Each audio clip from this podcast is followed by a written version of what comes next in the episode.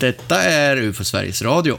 Välkomna ska ni vara till en podd där vi inte bara underhåller med spännande och mystiska UFO-berättelser, utan där vi också berättar varför vi gör det och hur vi kommer fram till det resultat vi gör. I detta avsnitt har vi gjort ett nedslag i UFO Sveriges rapportarkiv, som vi nämnde i förra podden om starten på världens största UFO-arkiv. Den spännande fortsättningen i det ämnet hör ni mer om i UFO Sveriges Radio framöver. Missa inte det. Ur det svenska rapportarkivet på närmare 20 000 rapporter har vi den här gången plockat fram ytterligare några av de lite mer intressanta rapporter från helt vanliga människor, personer som helt plötsligt får se eller vara med om något som de inte ens kunnat drömma om och i vissa fall kanske helst velat slippa. En del personer ser det säkert som tur, medan andra ser det som otur. Idag får vi åter höra rösterna på Johan Gustafsson och Tobias Lindgren.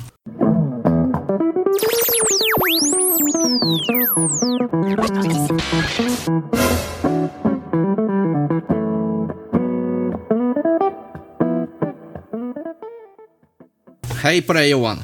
Hej på dig. Kan väl för lyssnarna avslöja att urvalet av rapporter inte varit helt slumpmässigt. Ja, nej, inte helt 100% men vi har varit åtminstone lite inne på det spåret. Försökt göra ett litet axplock, så kan man väl säga. Vill du att vi tar dem i någon speciell ordning? Ja, vi har ju två grejer som är lite angränsande. Så jag tänkte jag kan dra en rapport som är från det södra Småland. Den här gången kanske vi inte ska fördjupa oss i alla detaljer och så som vi har gjort när vi analyserat förut. Nej, precis. Utan vi tänkte väl eh, snarare att vi bara skulle dra ytterligare ett, ett urval av rapporter. Vi måste göra det i poddarna mellan varven så här. Att visa lite grann vad vi har. Särskilt nu med tanke på att eh, Anders Liljegren introducerade Svenska rapportarkivet i förra podden. Då måste vi ju följa upp det lite grann och visa några exempel där. Och så vet vi också att det är många som gillar de här rapporterna som vi berättar om och de här UFO-händelserna som folk har varit med om. Ja, så är det. Det är nog många som lyssnar som är intresserade av just den biten. Så vi kör väl på med några fler exempel av just det slaget. Börja på nu då. Ja, men den här rapporten då, den är faktiskt ifrån årets rapportskörd 2019, men som i så många andra rapporter så är den ju daterad bakåt i tiden. Det här inträffade i Älmhult då. Ligger som sagt i södra Småland i Millebygden. Älmhult, var det inte där vi kom fram till att Ikea hade Jo, absolut. grundat? Det är då en kille, han eh, uppskattar att det här ska ha ägt rum vinterhalvåret i alla fall. Under tidigt 90-tal då. Kanske 91, 92 där någon gång. Han är hemma då, där ute på landet, eh, familjens gård och så sitter han och tittar på TV och han får se någonting som lyser upp utanför huset. Han tycker det liknar en effekt som uppstår när en bil kör förbi utanför. Så han går fram till ett takfönster och tittar ut. Och då får han ju se ett ljus, ljusstarkt föremål som det växer lite ljusstyrka. va. Det här är på natten och klockan är mellan eh, kanske ett och ha- halv två på natten. Så att det, det är mörkt ute på landet. Eh, molnfritt är det, så han ser ganska tydligt. eh, Sa du vilket datum det var? Ja, det är tidigt 90-tal. Han Jag är- tänkte på, på året sådär, om det var på höst eller vår eller vinter. Mm, vinterhalvår, 91, 92, de där krokarna ungefär. Det är ju ofta så med gamla rapporter att folk vet inte exakt. Men vad får han se då? då? Jo, det här föremålet sånt, det närmar sig ju för det kommer från en granngård eller från det hållet va, där en granngård ligger. Och han ser då något som, ja, det ser lite ut som ett flygplan från sidan va, med väldigt stora panoramafönster. Det är ett avlångt föremål så här. Och den glider fram, kanske inte så jättemycket, 20 till 50 kilometer i timmen. Han tippar någonstans däremellan så det är lite spann där. Men den stannar sen precis framför huset, det är inte så långt. Kanske ja, 70-80 meter, det är vad han tippar i alla fall i uppskattning. Den står stilla den här grejen tillräckligt lång tid för att han ska kunna eh, studera den under en period. 35 minuter, men det händer lite saker under den här tiden. Va? Det är så att han ser ju in i den här folkosten genom de här eh, panoramafönstren då, som han beskriver. Till att börja med skriver han då att det är som upplyst där inne var med LED-liknande ljus. Och han ser lite panelliknande prylar där inne. Det lite intressantare inslaget det inträffar efter en liten stund. Där, för då öppnas en dörr till ett annat utrymme i den här farkosten. Som man eh, inte ser annars. Han ser ett stort rum genom panoramafönstret panoramafönster. Men det finns uppenbarligen ytterligare utrymme i det här föremålet. Som han inte har insikt i. Och ur den dörren så kommer det ut några figurer. Ja, det är människoliknande. Både killar och tjejer. Ståtliga. Tre personer beskriver de för mig när jag pratade med dem på telefon här för några månader sedan. Och de är ganska så här atletiska av sig. Ganska så välbyggda i, i sin utformning. Med vita kavaj och skjorta kan man säga. En sån här högknäppt eh, Eh, kavaj som sitter upp mot eh, halsen. Och så en vit skjorta på det. Va? Då är det en kvinna, då, hon har långt ljust hår, löper ända ner till svanken. Hon är väldigt eh, välbyggd hon med, då, med tydliga feminina kurvor och så. Han uppfattar att kläderna är som skräddarsydd på, på den här kvinnan. Hon sitter väldigt tight så tydligt. En av männen, det är två män de andra. En av dem har parsfrisyr och den andra har mer kortklippt. Men det är likadan hårfärg på allihop. De har ljust hår och klädda på samma sätt. Så de är väldigt lika allihop. Men de går fram och ställer sig vid någon form av räcke kan man säga. Som eh, finns vid det här fönstret. Va? Det är som att de står vid någonting där. Va? Så tittar ut och gestikulerar lite grann. Va? Ungefär så som om de skulle ha någon diskussion om någonting eller dylikt. Men han står alltså och tittar på de här genom ett fönster? Ja, han står inne i bostaden och så han tittar ut genom ett fönster på de här.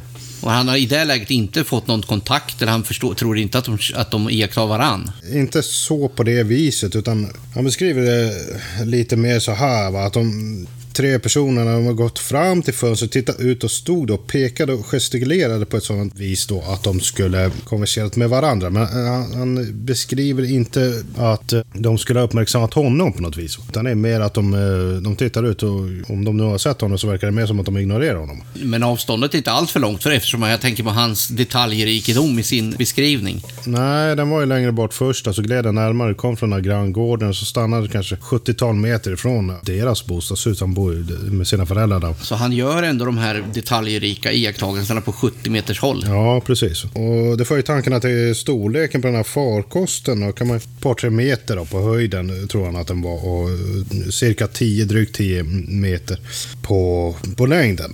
10-12 meter sådär. Men de, skulle, de här figurerna då skulle ändå ha typ människostorlek? Han tippade att de var mellan 170 och 190 centimeter. Kvinnan var något kortare än männen då, men de var, det var vanliga människor. Människoliknande. Det fanns ingenting annat med dem än att de var så välbyggda. Men han står och tittar på dem där i några minuter. Då. Och sen efter en liten stund då öppnas den här dörren igen. Då, eller en av männen går bort till den här dörren och följer den andra efter. Då, och så går de ut genom den väg två som går tillbaka in till det andra rummet som de var i innan. Eller åtminstone ut samma dörren. Kvinnan där hon står kvar en stund men hon går så småningom tillbaka in i samma utrymme igen hon också. Så att de försvinner bort där allihop och sen glider den här prylen, den här farkosten vidare norrut och försvinner så småningom borta med avstånd tar 35 minuter ungefär hela det här förloppet. Så ja, vad ska man säga, mycket intressant rapport eh, i sin beskrivning. Va? En formbeskriven farkost, en observation av flera besättningsmän. Va?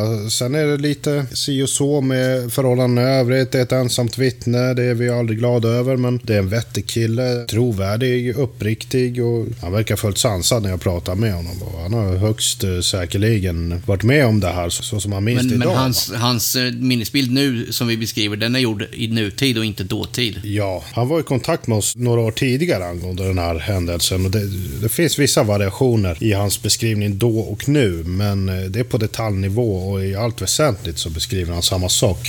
Kan ju åtminstone eh, tänka sig att det finns en risk att saker och ting har hänt med tiden för att han gav ju aldrig oss någon färsk redogörelse inom, säg, ja, några dagar, inte ens veckor, månader eller år, utan det tog närmare bestämt fram till 2013 när han tog kontakt med oss första gången och sen eh, kom han in med en formell rapport några år senare nu, 2019. Då, så att mycket kan ju ha hänt längs vägen, tyvärr. Men den är värd att dokumentera den här observationen tycker jag. Den är eh, intressant beskrivning. Men har du hunnit på... göra några, några analyser eller någonting, någon undersökande, något undersökande i det här fallet? Ja, det som går att göra i den här rapporten, det är ju med tanke på avsaknad av datum, alltså blir det svårt att göra några direkta kontroller. Man kan ju kontrollera datum och plats, alltså tid och plats. Man har inte ett exakt datum, man kan ju kolla någorlunda vad som fanns runt den här tiden i vårt rapportarkiv. Här då. Så det är det vi har kunnat göra här. Vi har inte kunnat hitta någonting som med säkerhet går att knyta till den här grejen. Men det finns en rapport som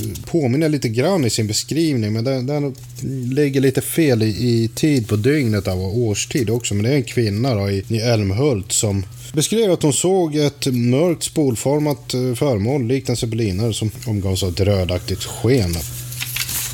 Och det ska ha varit eh, i augusti då, 1993 så skulle kunna stämma någorlunda med tiden. Men det, det har varit svårigheter att koppla ihop dem ändå. Va? För att det, som sagt, han var ganska så säker på att det här ägde rum under vinterhalvåret. För att han eh, säger till mig då när jag pratar med honom att det var inga löv på träden. Och det är ju svårt att få ihop till en observation i augusti då, när den andra observationen ska ha ägt rum. Förmodligen så finns det ingen koppling däremellan annat än att det kanske finns tecken på återkommande fenomen i trakten i sådana fall. Men även det är väl lite vagt bara med bakgrund av två rapporter. Och samt att de var i lägesbundna då i förhållande till orten, Ja. Älmhult.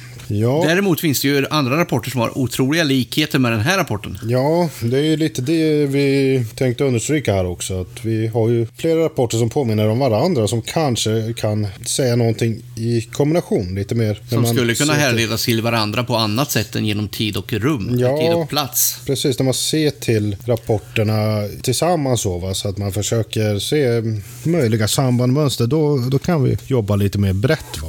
Du hade ju någonting här va?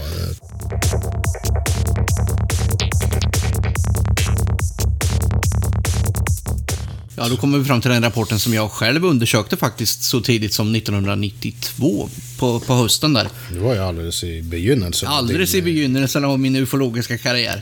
Det hela började med att jag hade ju gått den här förnämliga utbildningen som UFO Sverige håller varje år, den så kallade fältundersökarkursen. Och jag ville naturligtvis ut på fältet och jobba hårt där. Så att eh, mina äldre kollegor, de stoppade ett fall under näsan på mig som hade hänt i mina hemtrakter Mantorp. Och det, är ju, det här fallet är ju känt då som Mantorpsfallet. Och det visade sig då att det hade hänt den 3 maj 1973 strax utanför Mantorp då. Och då hade UFO Sverige, som då var ganska färskt, hade då fått tag i den här rapporten och egentligen inte undersökt den utan de hade mer tagit upp en rapport via Göteborgsgruppen Gisofs försorg, som hade fått in den på lite konstig väg kan man säga.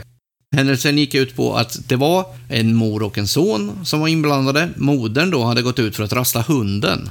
Hunden springer iväg och uträttar sina behov som det står i rapporten. Modern då står och filosoferar och ser ett konstigt ljus borta i horisonten i nordost. Och det här ljuset då närmar sig tycker hon. Och det beter sig lite undligt och någonstans i rapporten står det också att det var rödaktigt. Så hon eh, följer efter hunden som redan är på väg hem och väcker sin son som då har somnat framför TVn. För att hon vill ju också att eh, han ska se det här om det nu är något, något häftigt. Öppnar ett fönster och ställer sig och tittar ut. Och mycket riktigt så ser de ju båda ljuset som kommer närmare och närmare. De eh, tycker det ser häftigt ut. De säger att det har lite ryckig fart. Så det, man kan nästan säga att det stannar till ibland sådär. Men när det kommer nära då så säger de att det kanske är 50-100 meter bort. Att det stannar över några silvergranar. Den här fastigheten de bor i har varit en gammal skola då. Det är en fotbollsplan emellan dem som de har som referens då. Är det ute på landet där? Ja, det är väldigt mycket ut på landet kan man säga. Ja. De ser den här stannar till då och då börjar de ju kunna iaktta detaljer och så. Det de beskriver är två stycken tallriksformade vända mot varandra. Så man tänker två sopptallrikar som den, ena, den övre är upp och nervänd och den undre är normalvänd. Och i mellan där då så finns det som mellanrum och där inne då skulle det vara något i, i hålet då med, med eh, ett helt vanligt naturligt ljus där inne, något gulaktigt då. Som att det skulle kunna vara inomhus där. Och den här farkosten beskrivs då som lite större än en bil, kanske 6-10 meter. Och där inne finns någonting som de beskriver som figurliknande tingestar då. Modern då, hon säger att hon, eh, hon har ju svårt att se då, så hon, hon kan egentligen inte mer än säga att de är suddiga formationer. Med, medan sonen då, i, i en av rapporterna, den första där, beskriver att det är som, ja, som figurer, som humanoida varelser då. Så får de efter en stund då känslan av att de här iakttar varann.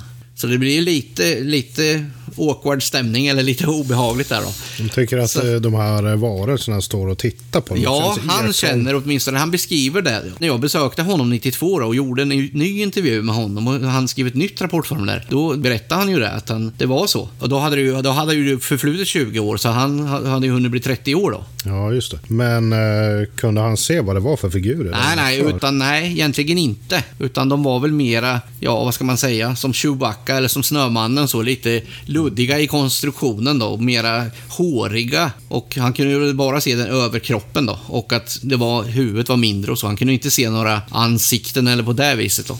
Men de verkar inte haft några nämnvärda likheter med det, som jag just beskrev. Nej, nej, det var, det var inga, de var väldigt, de hade formen av människoliknande humanoida figurer, men inte, absolut inga detaljer så. Nej, just det. Och han kunde också se, man kunde se igenom hela far, farkosterna, så man såg ut på baksidan. Det var fönster i bägge riktningar alltså. Ja, ja, det var, det var helt genomskinligt då. Så det var ett, ett, ett golv och ett tak med bara små spröjs emellan. Ja, det var som att eh, titta på en skiss här nyligen. Det är som något, vad ska man säga, något mellangärde där som är som... Ja, som ett öppet rum. Som, Ja. en, som, en, eh, som ett lusthus ungefär, skulle Ja. man kunna säga. men Med fönster åt alla håll och kanter. Ja, just det. Lite grann så. Så där står de då och tittar och den här den gör ifrån sig lite susande ljud och lite pysningar och lite sådär, tycker de.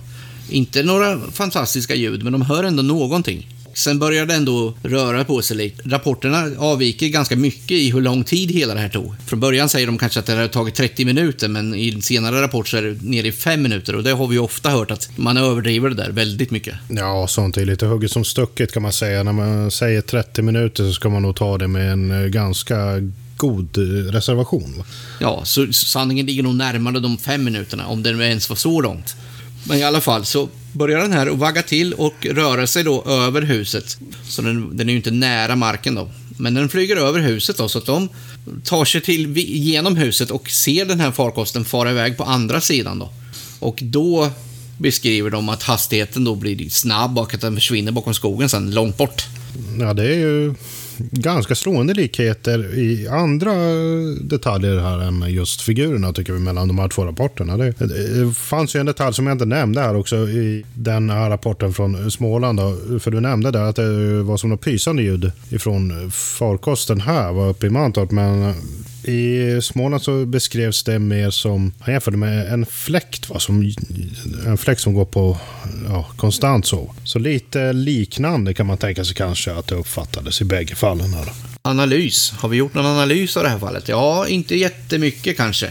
Men du kom ju dit, eh, vad sa du, 19-20 år i efterhand. Anledningen var ju att jag ville ha ett, ett fall att börja med som nybakad ufolog. Precis. Och det var ju, var ju väldigt intressant att få intervjua en sån här person som hade gjort den här upplevelsen innan då. Och när jag var där och, och intervjuade honom, då fanns det inget tecken på att det skulle varit någon, någon konstruerad historia eller något sånt, utan han, det, det stämmer ju då med de här naturliga differenserna som blir efter 20 år. Ja, det hände ju mycket på en sån, under en sån tid. Minnet är ju tyvärr inte konstant oföränderligt, så att det, det kan man ju förvänta sig. Men fanns det då någonting som förklarar den här händelsen? Några kontroller har ju faktiskt gjorts med väder och vind och det hade då visat sig att den här modern hade ringt till eh, F3 som det hette på den tiden och kontrollerat om det fanns flyg i, i närheten och då hade då den här officeren sagt att det endast fanns ett Viggenplan i luften.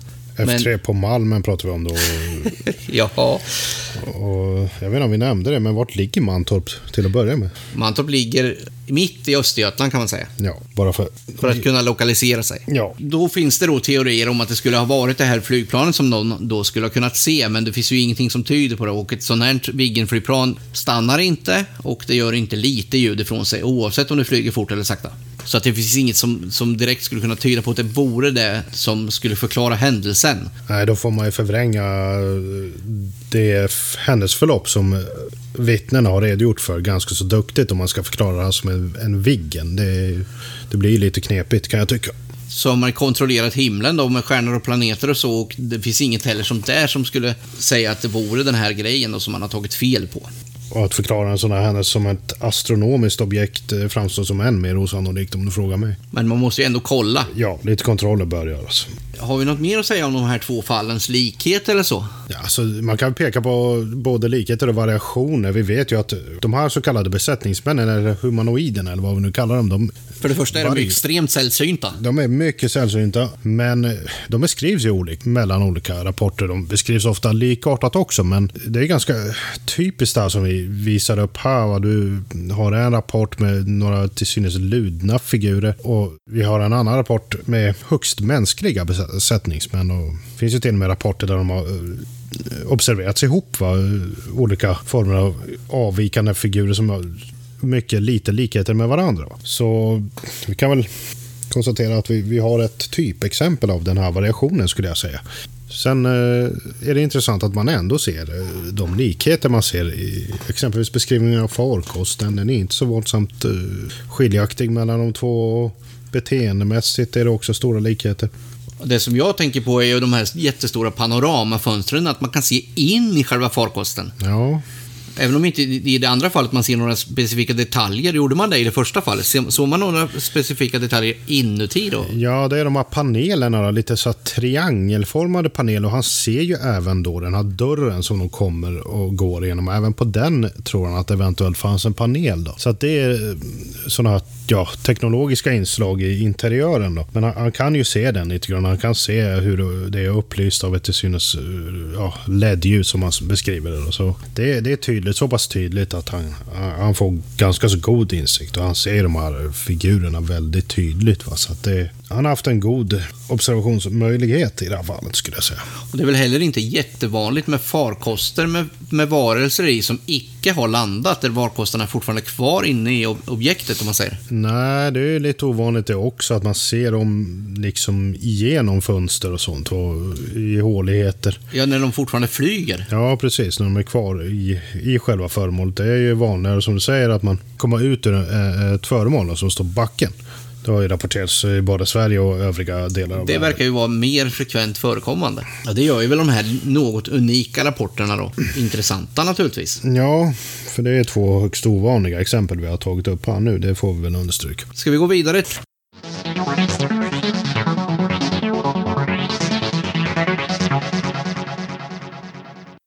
Har du någon Ja. på, på lut här? Det är ju så att vi jobbar ju en del med äldre rapporter mer avsiktligt också. Den här som jag tog upp nu innan, eh, den är väl lite mer oavsiktlig för den kom in till oss alldeles för sent. För att vi skulle kunna utreda den närmare. Den kom många år i efterhand. Den hade vi naturligtvis undersökt noga om den hade kommit in som färsk. Men ibland så väljer vi ju avsiktligt att göra nytag med äldre rapporter. Är det det vi kallar för cold case kanske? Ja, precis. Vi har haft lite diskussioner om vad vi ska kalla den här gruppen. Rikspolisstyrelsen har ju en motsvarande grupp med det namnet. Så Och säger man cold case förstår man ju vad man menar. Precis, det- Ett, kall, ett, ett fall som har stagnerat lite kanske, som behöver nya grepp och nya metoder eftersom tiden har gått. Ja, någonting man behöver titta på igen som eh, förtjänar ett nytag. Ja, med nya ögon. Exakt. Vi har jobbat med några sådana och vi drar väl ett exempel på en sån bara för att visa hur man kan ibland eh, försöka gå tillväga med äldre rapporter genom förhållandevis enkla metoder ändå får jag säga. För det här är ju en rapport, där vi har ju massor med skriftligt material i rapportarkivet som inte har samlats in vi får Sverige själva genom åren. Vi har inte bara Försvarsmaktens arkiv utan vi har även mycket av det material som skickades in till ett tv-program som kallades för Svepet. Det gick väl på 90-talet? För mig, om jag inte Ja, det är runt 90. Det var där. Skiftet där, 80-tal, 90-tal. Ja, precis. De hade ju massor med inslag och de diskuterade ju UFO-ämnet några gånger. Ganska frekvent faktiskt. Mm. Om jag minns rätt. Ja, precis. Det resulterar ju då att folk eh, skickade in brev till dem med egna upplevelser. Och här har vi en sån som skickades in av en person som är eh, anonym. Då. Det är lite synd, men så är ofta fallet i sådana här ärenden. Folk skickar in till Kan ju ha berott på att man inte kanske vill stoltsera med det här i TV också. Nej, precis. Det kan ju vara baksidan av att man samlar in sådana som ett tv-program. Men han hävdar i alla fall att han är någon form av forskare. Va? Han är samhälls, samhällsvetenskapligt eh, skolad. Han återger då en händelse som ska ha inträffat omkring 1960.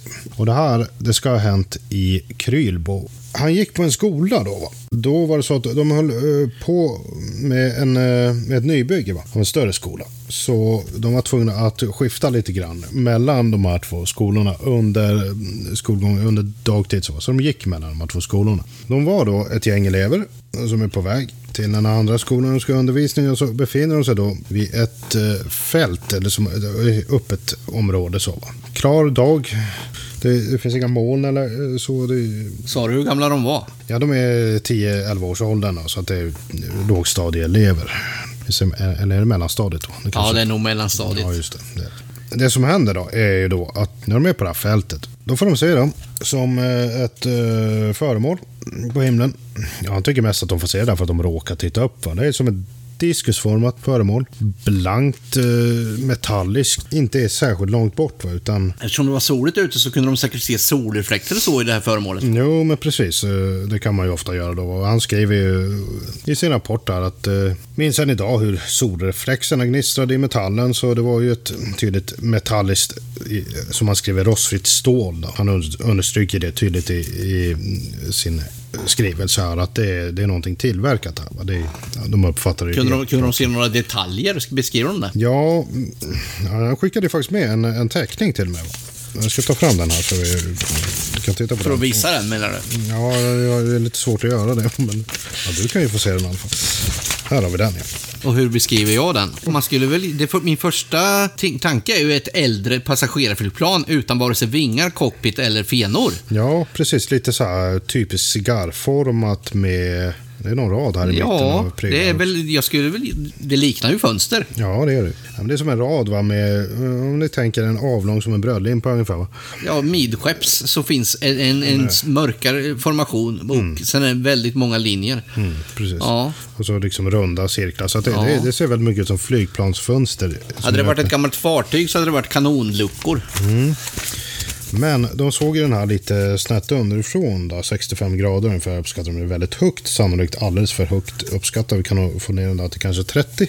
Det vore Men de lite- fick ändå börja på huvudet så det var inte naturligt att de såg den när de gick och tittade rakt fram. Nej, nej, precis. Utan de får ju titta upp då. Men kunde de, kunde de se att den var, var cigarrformad eller var den Nej. rund? Nej, precis. Jag tänker om den var rund som en pannkaka. Ja, ja, precis. Jag tänkte komma till det. För det, han beskriver det lite mer som en 65 grader ovanför våra huvuden stod ett jättelikt flygande tefat. Så att det, som, det verkar lite mer som en sån grej de, de uppfattar det som. Och sen har han ritat det i ja, någon slags profil där blir det. Men det, det, enligt honom då så var det diskusformat. Så. Men det var han- inte statiskt på himlen när de såg det. Nej, det kommer ner lite grann emot dem. Var så. Han fortsätter sin beskrivning här. var som var stor men samtidigt kraftigt avplattad. Ungefär som formen av två stora flata tallrikar lagda mot varandra. Så att det, det är den här klassiska diskusformen. Och den sänker sig ner lite grann emot dem. Och ja, de står och tittar på det där en, en stund. Då, som man skriver här igen. Och vi, vi stirrade själva storögt tillbaka under en tidsrymd som jag så här i efterhand bedömer till en knapp halv minut. Så det, det är i alla fall en stund som de hinner stå och titta på. Sen så skriver man att den, den lutar lite grann den här grejen också. 10 grader för så det är inte så mycket. Men den, ska man säga, den tiltar lite grann och så, ner mot dem. Sen händer det lite grann när den försvinner där. Det är en konstig grej. Efter att ha hängt stilla så ökar den först lite grann, va? det går inte så fort då. Efter att ha rört sig långsamt några sekunder bara, så sen axlar den va? Eh, och då går det mycket fortare i en till två sekunder. Sen uppfattar han då att den, den bara försvinner. Han kan inte avgöra riktigt själv om den eh, försvinner i tomma intet med som man släckt en lampa. Va? Eller försvinner bort i Nej, horisonten. precis. Enligt hans uppfattning då, så ska den i sådana fall ha försvunnit i minst ljusets hastighet.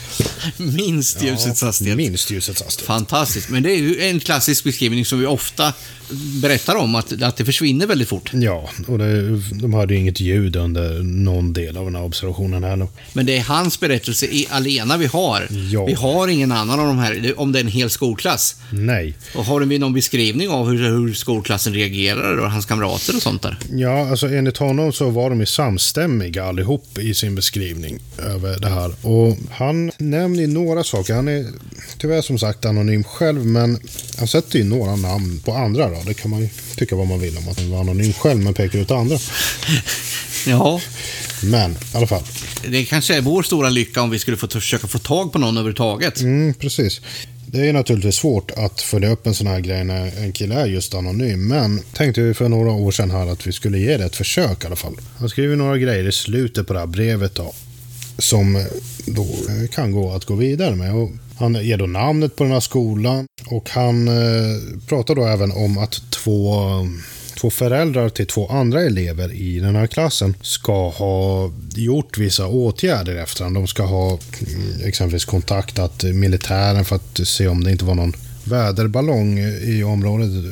Händelsen blev Feltänkt. känd lokalt, alltså bland föräldrar och även lärare ja, kanske. precis. Ja, så kan det mycket väl ha varit. De skulle i alla fall ha försökt höra sig för med lite folk så. Va? Om- Eller kontrollera lite vad det kan ha varit. De väderballonger är ju rimligen inte. Det är mer av ett felkoncept som folk ofta eh, Tar till när de inte har något annat. De har som igång en väderballong hit och dit men det är ju... Jo, men det är, det är enkelt att ta till. Det kanske kommer sig av att många har kört med väderballong. Ja, precis. Men i alla fall, han nämner ju då eh, två tvillingar som eh, ska ha varit med vid det här tillfället och det var deras föräldrar då, som ska ha försökt följa upp det här lite grann. Och jag satt ju här för något år sedan eller två och pysslade lite med personregistren och försökte se om vi kunde hitta dem där och det, det lyckades vi faktiskt göra. Det var inte alldeles enkelt, men efter lite forskande så, så, Ja, nej, så lär man sig att göra efterforskningar på personer som vi väldigt gärna vill komma i kontakt med.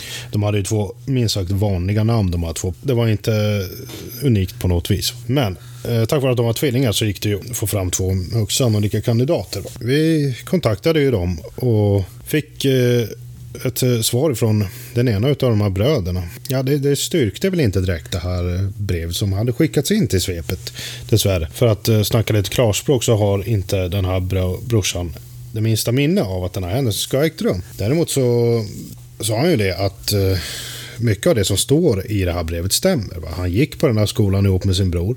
De gick mellan de här två skolorna under den här perioden, tiden där, va? Det, det, det stämmer ungefär 60-talet då de gick i plugg. Det verkar ändå som att den som har skrivit det här brevet har haft en viss vetskap om eh, skolan och de här två bröderna. Då. Till och med sannolikt gått i den här klassen. Ja, det är nog inte alls otänkbart. va. Det är lite svårt att, att tolka det här, va, hur man ska se på det hela. Det skulle uppgiften om att de här två grabbarna var med och deras föräldrar gjorde lite av en grej av det här efteråt och försökte gräva lite då tycker jag att de banne mig borde komma ihåg det, även om det har gått en herrans massa år. Va.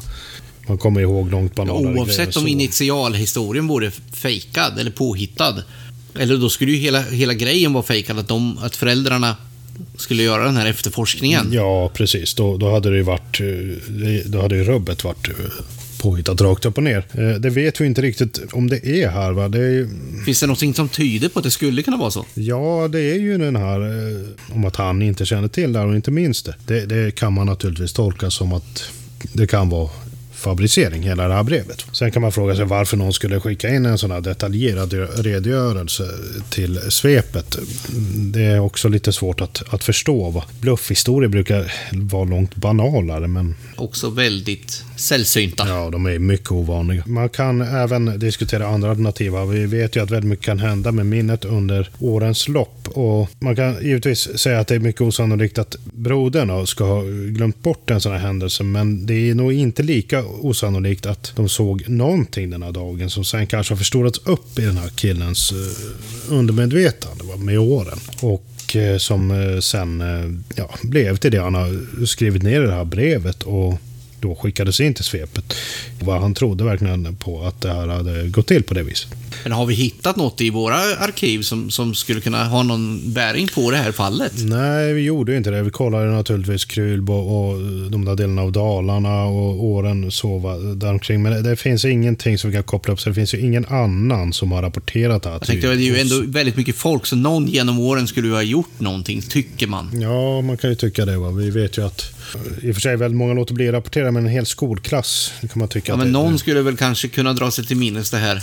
Inte minst med tanke på hur mycket uppmärksamhet fenomenet har fått i Dalarna genom åren. Vi har haft många aktiva grupper där. Alltså det, det, är, det är nog inte så troligt va, att det skulle gått helt förbi. Men givetvis kan man spekulera också i att eh, han har misstagit sig på vilka två bröder det var som var med. Och så har han blandat ihop de här och de, de gick på plugget där va, och kände till det här med att de gick mellan de två skolorna. Men eh, de var inte med under den här observationen va, och därför känner de inte till den närmare. Även om snacket kan ha gått lite på skolan så då är det lättare att förstå att de har glömt bort den. Va. Det skulle då vara två andra bröder som kanske gick i hans klass då, som han har blandat Minnet sviker honom på fel ställe. Ja, jag tror väl kanske att det, det är det sannolikaste här, att det är någonting i minnet som har gått fel. Va?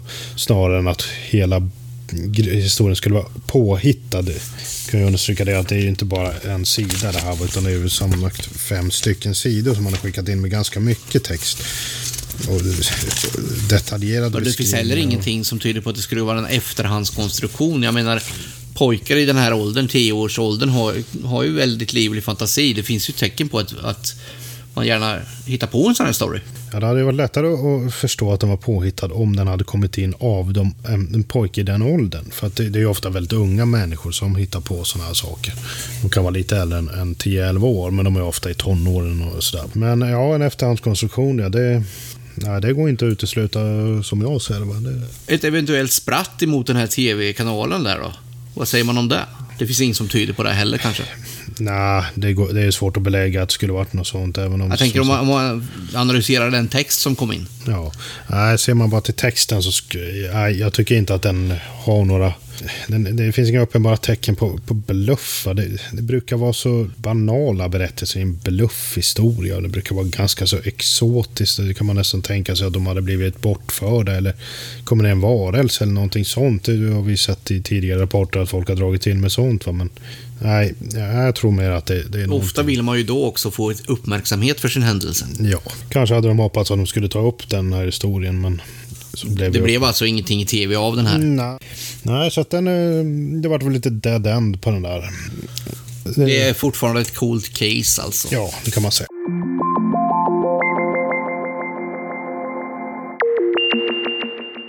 Ska vi avsluta med en liten enklare variant? Ja, det tycker jag. En precis sån här, ja, som jag berättade i inledningen, ett, ett händelse som man bara råkar på, som man inte alls har förutställt sig när man vaknar på morgonen. Mm, någonting som bara inträffar spontant. Ja. Det är ju spontanupplevelser vi håller på och gräver i här. Ja, det är ytterst sällan det är en planerad upplevelse. Nej, så det är inte något som man går ut och spanar efter. Eh, Det här skulle då ha hänt den 23 november 1995. En eh, pensionär var ute och eh, han skulle då köra lite motorsåg. Han skulle dra ner lite träd och grejer. Och då helt plötsligt så tittar han upp och då får han se ett metallisk cylinder bara flyger förbi rakt ovanför huvudet. Jättemärkligt, så tycker han ju naturligtvis att det är. Han kanske ser den i 20 sekunder. Vart var det här någonstans? Eh, Det här ska ha varit i Ransta. Vet du var det ligger? Mm, nej, det kan jag nog inte erinra mig. Det kan inte jag heller. Han kan ju då också se moln i den här gluggen då ovanför sig. Och han, han beskriver att det var som en molnkaka. Men att den här eh, cylindern, den flyger under molnen då. Så att han har molnen då som referens och i efterhand har man ju då kontrollerat att molnbasen var ungefär på 600 meter. Vad är en molnkaka för något? Har Ja, nej, det har jag inte hört, men han menar naturligtvis någon typ av vanligt moln på himlen. En, en molnbas där Ja, helt enkelt. ja. Och en molnbas. Ja, det är då undersidan på molnet. Ja. Det är inte alls självklart för folk Nej. att veta det kanske. nej, precis. Och han, han beskriver heller inte att han hörde något ljud eller så vidare. Han uppskattar då att föremålet är 20 meter stort. Diameter 5 meter kanske. Och det är hela hans berättelse. Ja, nej, men eh, inte helt ovanligt att de ser ut sådär. Det är ganska simpla övergripande berättelser. Sen får man eh, försöka komplettera lite grann med detaljfrågor i efterhand. Om man behöver sådana. Den här skickades ju då ut till eh, bedömningsgruppen som vi på Sverige har. Ja, det är en eh, grupp av utomstående bedömare. Eller de är med i föreningen, men de står utanför rapportcentralen. Så, så att de ska då utvärdera det arbete som en rapportcentralen eller en fältundersökare har gjort. Och då, då ska man då motivera sin bedömning här. Och det sammanlagda värdet då gör då att slutrapporten får sin Ja, totala bedömning kan man säga. sin slutbedömning. Så den går tillbaka till RPC och så, så eh, sammanställs den i sitt slutskede där. Och då skriver de här bedömarna i det här fallet så att en har beskrivit det som ett troligt IFO. Han tror att det är ett eh, militärt skjutmål som har flugit förbi. Ett sånt här som man släpar. Som man efter. släpar efter ett flygplan, ja. Ja. Och han har ju mycket rätt i att det liknar en sån i beskrivningen. Ja, det är inte olikt, det är det inte. Men då visar det sig att undersökningen också har kontrollerat med eh, F16, flygflottiljen i Uppsala, att, det här in, att de inte hade någon eh, övning då. Eller åtminstone att de inte hade någon målflyg. De hade uppehåll för lunch. Ja, just det, det stod det. De åt korv för att flyga med Ja, målkorv. möjligen. Eh, en annan av bedömarna har då skrivit att det saknas utredning av värde, som det ofta gör i de här äldre fallen. Ja, tyvärr så är det så. Ja. Men att, in, men att den här rapporten är mycket intressant och att det bör följas upp. Och då har han då skrivit att den är svårbedömd. Ja, just det. Då får man gå tillbaka i vår podd och lyssna på... Den om, var det rapportcentralen som vi... Ja, i något avsnitt berättar vi om de här kriterierna som vi har då. Ni får lyssna på hela podden och så får ni se när ni hittar det där. I den tredje bedömningen här så är det en som skriver att de är väldigt lika de här spökraketerna som florerade väldigt mycket på 40-talet. Mm, kan man se vissa likheter. Och han kan även tänka sig luftskepp. Men bedömningen är att den är svårbedömd och att den då borde utredas ännu mer. Det är väl så långt vi kommer. Vad var det för åtgärder som hade tagit? Var det något mer än att man ringde till F16 där eller? Ska vi naturligtvis undersöka och se om jag ser vad de har vidtagit för åtgärder. Det står att de har då kontaktat flyget, men de meddelar så vänligt att all övning låg nere under lunchtiden. Ja, just det. Det var övningstider, men eh, inte exakt då. Och så de menar då att det inte kan ha varit de som har varit orsak till fenomenet. Och sen då har man ju kontaktat SMHI som meddelar då att molnbasen var på 600 meter. De åtgärder som har vidtagits. Väderläget, eh, får man en, en maxhöjd eh, på det här föremålet som då ska ha varit ungefär 600 meter. Och så var det inget flyg i området som kunde härröras till någon flygövning i alla fall. Och sen har det ju den här personen då meddelat sin händelse till Sala Allehanda. Eller den kom till vår kännedom på det viset. Ja, just det. Jag såg något tidningsklipp här i rapportmaterialet. Ja. Och det är ofta så att när, det, när det väl en sån här rapport hamnar i en tidning, då, är, då börjar den filas på lite och blir lite för, för... Den är inte riktigt så som den här personen beskriver i rapporterna som vi får in. Nej, Ofta så har man ju slipat till lite så att den blir lite mer tidningsaktig. ja, när man ger en lite journalistisk approach sådär. Nej, det är väl inte så mycket mm, mer vi kan säga om det där. Det Absolut typisk rapport. Tyvärr lite för dåligt undersökt. 20 sekunder sa han att han såg Ja. Han hinner i alla fall titta på det, så det är ingenting som bara svischar förbi sådär. Utan det är Nej, nog- den är ju... Nej, men ändå. Man skulle vilja gärna ha en observatör till då i det här fallet. Det, är alltid bättre med fler observatörer. Men det är en typisk rapport som vi hittar i arkivet. Ja, det är en sån här ganska standardiserad eh, dagsljusare, dagsljusrapport av ett formbeskrivet föremål. Mycket intressant och inte alls olikt de här spökraketerna som vi absolut kommer att komma vidare till i poddens Ja. framtid här. Fast han slog inte ner någon sjö när han, Han såg ju inte var den tog han såg vägen. inte nedslagen. Nej, men vi får väl absolut anledning till att återkomma till det här otroliga rapportarkivet vi har. Men vi tar väl och avrundar för den här gången. Ja, det får vi göra. UFO Sveriges Radio görs av Riksorganisationen UFO Sverige. Vad vill vi ha mer då? Vi vill ha in alla frågor till adressen. Info at ufo.se. Vilken typ av frågor vill vi ha då? Ja, allting. Synpunkter, frågor, önskemål. Det är bara att ösa på det. Folk vill säkert höra några speciella fall som vi kan berätta om. Ja, har ni önskemål om vad ni vill höra i podden så är det bara att skicka in. UFO Sverige finns ju också på sociala medier. Där sköter ni alla diskussioner om både högt och lågt. Vi säger väl tack för idag då. Ja, det tycker jag. Hej då. Tack för den här gången. Hej! Tack och hej.